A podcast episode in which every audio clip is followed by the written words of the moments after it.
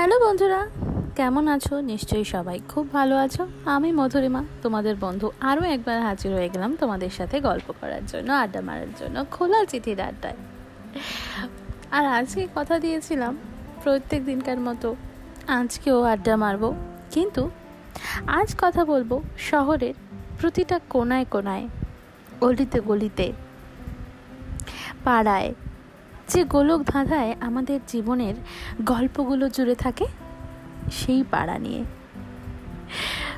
পাড়া বলতেই প্রথমে যেটা মনে পড়ে, যে পাড়ার মোড় অলিগলি, রাস্তা, রাস্তার দু ফুটে থাকা, শাড়ি দিয়ে বিভিন্ন রং বেরঙের বা সাদা কালো, অনেক বাড়ি ল্যাম্পপোস্ট, দোকান আরও অনেক কিছু। সেই সব কিছু নিয়েই একটা পাড়া যেন ভোর হওয়ার সাথে সাথে জেগে ওঠে। আর যখন জাগে, তখন তার সাথে জেগে ওঠে অনেক কণ্ঠস্বর, অনেক আওয়াজ, অনেক রং বেরঙের জিনিস। আর অনেক মানুষের কোলাহল নিয়ে যে পাড়া, সেই পাড়া রাতে যখন একদম নিশ্চুপ হয়ে যায়, তখন শুধুমাত্র জলে ওই ল্যাম্পপোস্টের আলোগুলো। রাতের অন্ধকারে বা রাতের এই গলি গলি এই পাড়ার মোড়গুলোকে দেখলে খুব অদ্ভুত লাগে, তাই না? সারা দিন একটা কর্মব্যস্ত যেন মানুষের মতো ব্যস্ত হয়ে থাকে এই পাড়ার ছবিগুলো। আর রাতে সেই পাড়ারই একটা অদ্ভুত সৌন্দর্য আছে।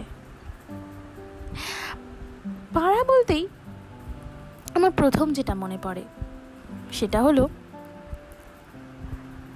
অলিতে গলিতে ছোট ছোট চায়ের দোকান, যেখানে সময় বা অসময়ে সকালে, দুপুরে, কখনো বা রাতে সন্ধে বা বিকেলে। মানে দিনের সব সময় থাকে অনেক মানুষের ভিড়। বেশিরভাগটাই চেনা এবং পরিচিত মুখ। কিন্তু কখনো কখনো অচেনা মানুষ এসেও এই ছোট্ট চায়ের দোকানগুলোতে জিজ্ঞেস করতে আসেন, ঠিকানার খোঁজেও আসেন। পাড়া বলতে মনে পড়ে ছোটবেলার ছোটবেলার নাচের স্কুল কিংবা গানের স্কুল। বিকালবেলা স্কুল ছুটি হওয়ার পর এই নাচের স্কুল বা গানের স্কুলগুলোই যেন মেতে উঠত, পুরো পাড়াটাকে মাতিয়ে রাখত। ছোটবেলার অনেক স্মৃতি এই পাড়ায় জড়িয়ে থাকে। তাই ছোটবেলা থেকে এই পাড়াকে আমরা আলাদা করতে পারি না। আমার পাড়া বলতে একটা স্পেশাল জিনিস কিন্তু রয়েছে, যেটা বোধ সবাই কম বেশি উপভোগ করেন অথবা যেটা কম বেশি সবাইকেই সহ্য করতে হয়, সেটা হলো মানুষের পিএনপিসি যেটা হয়তো আমি আপনিও করি, আবার হয়তো আমাদের কখনো এই পিএনপিসি নিজের জন্য অন্যের কাছ থেকেও শুনতে হয়।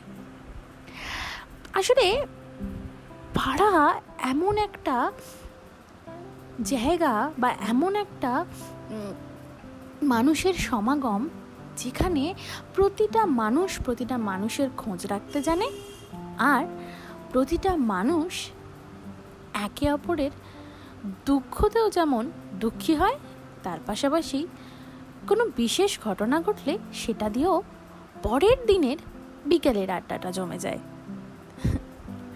বিয়ে বাড়ি হোক বা জন্মদিন বাড়ি, এই পাড়ার প্রতিটা মানুষের হাসি মুখ দেখা যায়।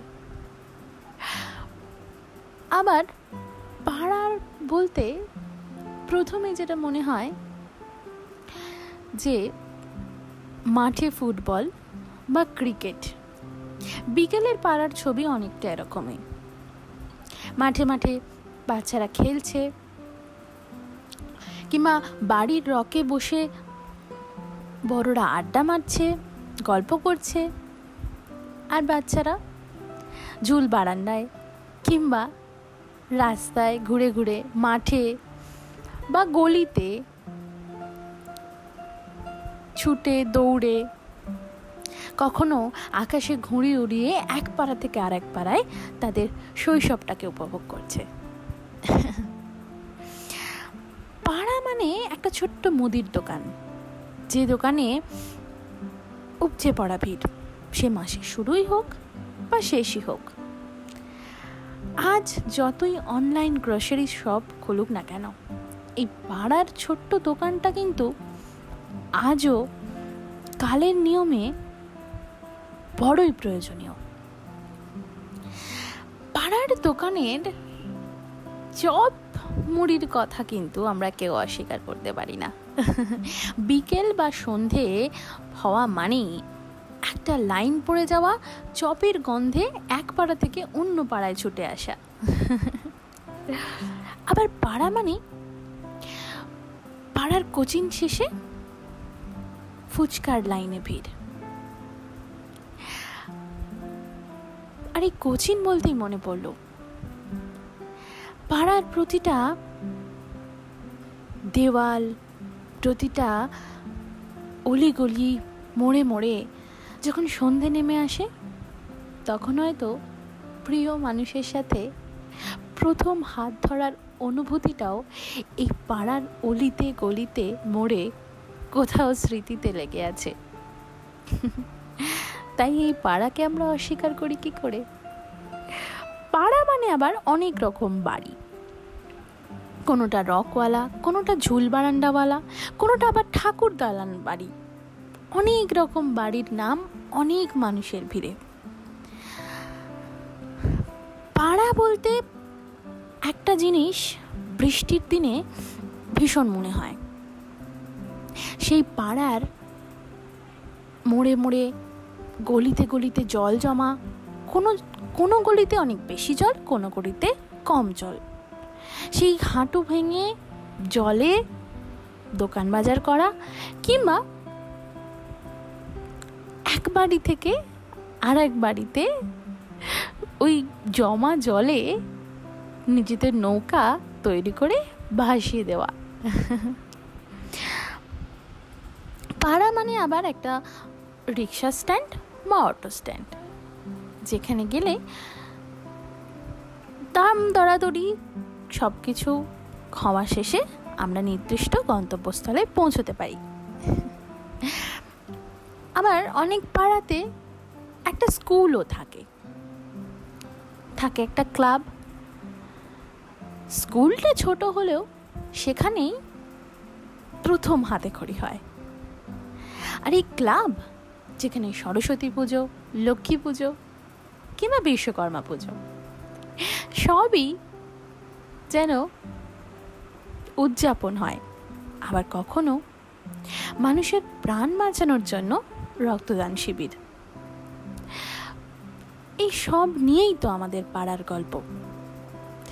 পাড়া বলতে প্রথম আরও একটা জিনিসের কথা মনে হয়।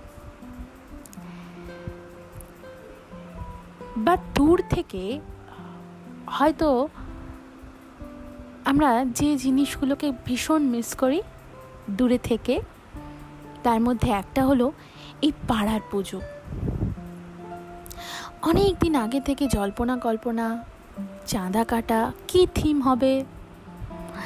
প্রথমে একটু বড় যারা বয়সে তারা ঠিক করেন, আর তারপর ছোটদের ভাবনায় আর ছোটদের তদারকিতে সে এক বিশাল কর্মকাণ্ড। আর এই পাড়ার প্রতিটা মানুষ, যিনি হয়তো বছরের অন্য সময়গুলো একে অপরের থেকে একটু এগিয়ে বা পিছিয়ে থাকতেন জীবনযুদ্ধে, এই দুর্গাপুজোয় সবাই যেন মিলেমিশে এক হয়ে যায়। পাড়া মানে আবার অনেক আনন্দ অনুষ্ঠানের পাশাপাশি দুর্গাপুজোয় অঞ্জলি দেওয়া আর নবমীর দিনে একসাথে ভোগ খাওয়া। পাড়া মানে সে পনেরোই আগস্টই হোক বা ফার্স্ট জানুয়ারি হোক। একটা জমজমাটি ফেস্ট কিন্তু মাস্ট আবার পাড়া মানে একটা ছোট্ট মিষ্টির দোকান। যে কোনো পুজো, যে কোনো আনন্দ অনুষ্ঠানে যেই মিষ্টির দোকানের মিষ্টি বাড়িতে আনতেই হবে। পাড়া যেন আমাদের জীবনের সাথে জড়িয়ে আছে। পাড়াতে বেরোলেই কোথাও গিয়ে আমরা আমাদের পুরনো ছোটোবেলাটাকে খুঁজে পাই। প্রতিটা স্মৃতি চোখের সামনে ভেসে ওঠে। আমরা যতই এখন স্যালন বা বিউটি পার্লারে নিজেদের পরিচর্যা করি না কেন পাড়ার মোড়ে বা পাড়ার যে কোনো একটা কর্নারে একটা ছোট্ট সেলুন কিন্তু থাকে। পাড়া মানে আরও অনেক কিছু। পাড়া মানে অনেক মানুষের আড্ডা, অনেক মানুষের একসাথে বেড়ে ওঠার গল্প। তাই পাড়াকে বাদ দিয়ে আমরা আমাদের শৈশবটাকে বা কৈশোরকে বা যৌবনকে কোনোটাকেই আলাদা করতে পারি না। মেয়েদের ক্ষেত্রে হয়তো এই পাড়া ছেড়ে অন্য পাড়ায় যাওয়ার একটা অনুভূতি থাকে। সেখানে গিয়ে একটা অ্যাডজাস্টমেন্ট লাগে। ছেলেদের ক্ষেত্রে হয়তো পাড়াটা একই থাকার চান্স আছে, কিন্তু অনেক সময় কাজের প্রয়োজনে ছেলে, মেয়ে, সবাইকেই এই পাড়াটাকে হয়তো ছেড়ে যেতে হয়। কিন্তু যে কোনো কারণে যে কোনো অজুহাতে এই পাড়ায় ফিরে আসতে বড্ড ভালো লাগে। আর দুর্গাপুজো মানেই তো সবার সেরা পুজো মানেই আমার নিজের পাড়ার পুজো। যদিও এখন পাড়াগুলোয় আরও একটা ভীষণভাবে ভালো কিছু উদ্যোগ নিচ্ছে যে আমাদের চারপাশে যে একটা বাজে পরিস্থিতি সেখানে অনেক পাড়া একে অপরকে তাদের অনুদান দিয়ে সাহায্য করছে অনেক মানুষকে। এখন এ পাড়া ও পাড়ার ভেদাভেদটা বোধ বোঝা যাচ্ছে যে কম।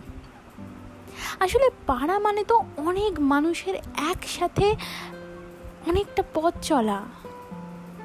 আর এই সব নিয়েই আমাদের পাড়ার গল্প। আমাদের জীবনের একটা অংশের গল্প। তোমাদের জীবনেও নিশ্চয়ই পাড়ার আলাদা আলাদা গল্প আছে, আলাদা আলাদা ডাউন মেমোরি লেন আছে। সেগুলো শেয়ার করো আমার সাথে। আমি মধুরিমা, তোমাদের সঙ্গে আবারও কাল হাজির হয়ে যাব খোলা চিঠির আটা নিয়ে। ততক্ষণ খুব ভালো থাকো আর সঙ্গে থাকো। আমি আবার কাল ফেরত আসছি। আর খোলা চিঠি কিন্তু সঙ্গে রাখতে ভুলো না। শুভরাত্রি।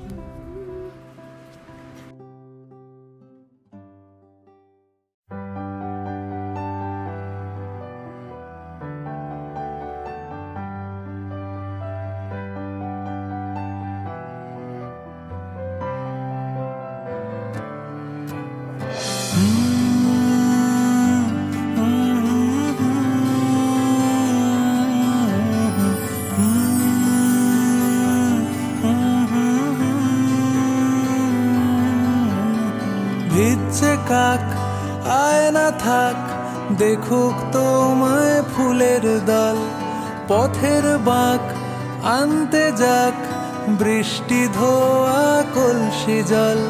শহর তলি জুড়ে গলির মোড়ে মোড়ে তোমায় নিয়েই গল্প হোক। ভিজছে কাক আয়না থাক, দেখুক তোমায় ফুলের দল, পথের বাঁক আনতে যাক, বৃষ্টি ধোয়া কলসি জল। শহর তলি জুড়ে, গলির মোড়ে মোড়ে তোমায় নিয়ে গল্প হোক। জানি তোমার ছন্দে অন্ত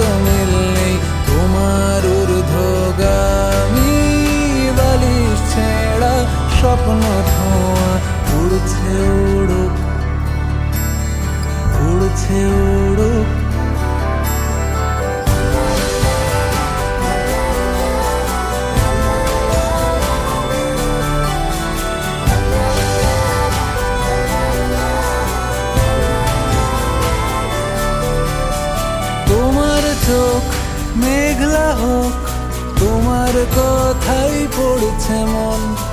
আঙুল ছোঁয়া মুদ্রা দোষ, তোমার কথার খুব ওজন। হাজার করতালি তোমায় বলে খালি, তোমায় নিয়েই গল্প হোক। জানি তোমার ছন্দে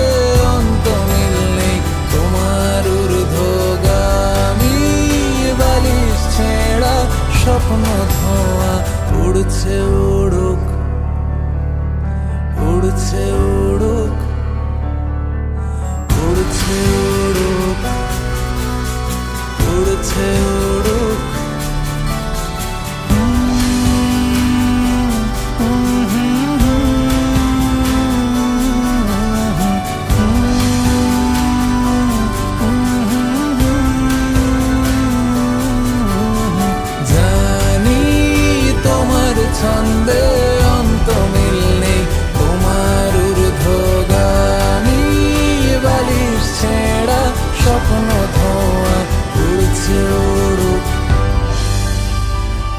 উড়ছে